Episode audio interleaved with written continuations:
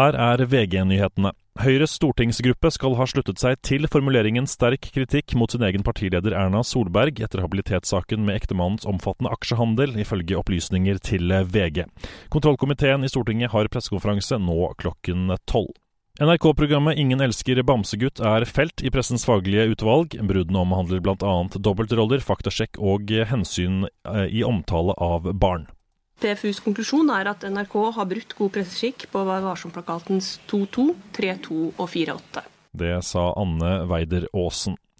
To personer blir fløyet til Haukeland universitetssykehus med luftambulanse etter en arbeidsulykke i Øygarden. En person skal ha fått eh, strøm i seg, begge var våkne og bevisste. Det ble gitt hjerte- og lungeredning til en av de to som ble fløyet til sykehus, ifølge Bergensavisen.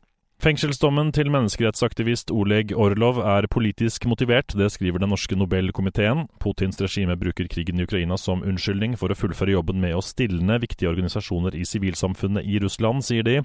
Orlov, Orlov ble i går dømt til to og et halvt års fengsel. I studio Andreas Hagen Håkonsen, nyhetene får du alltid på VG.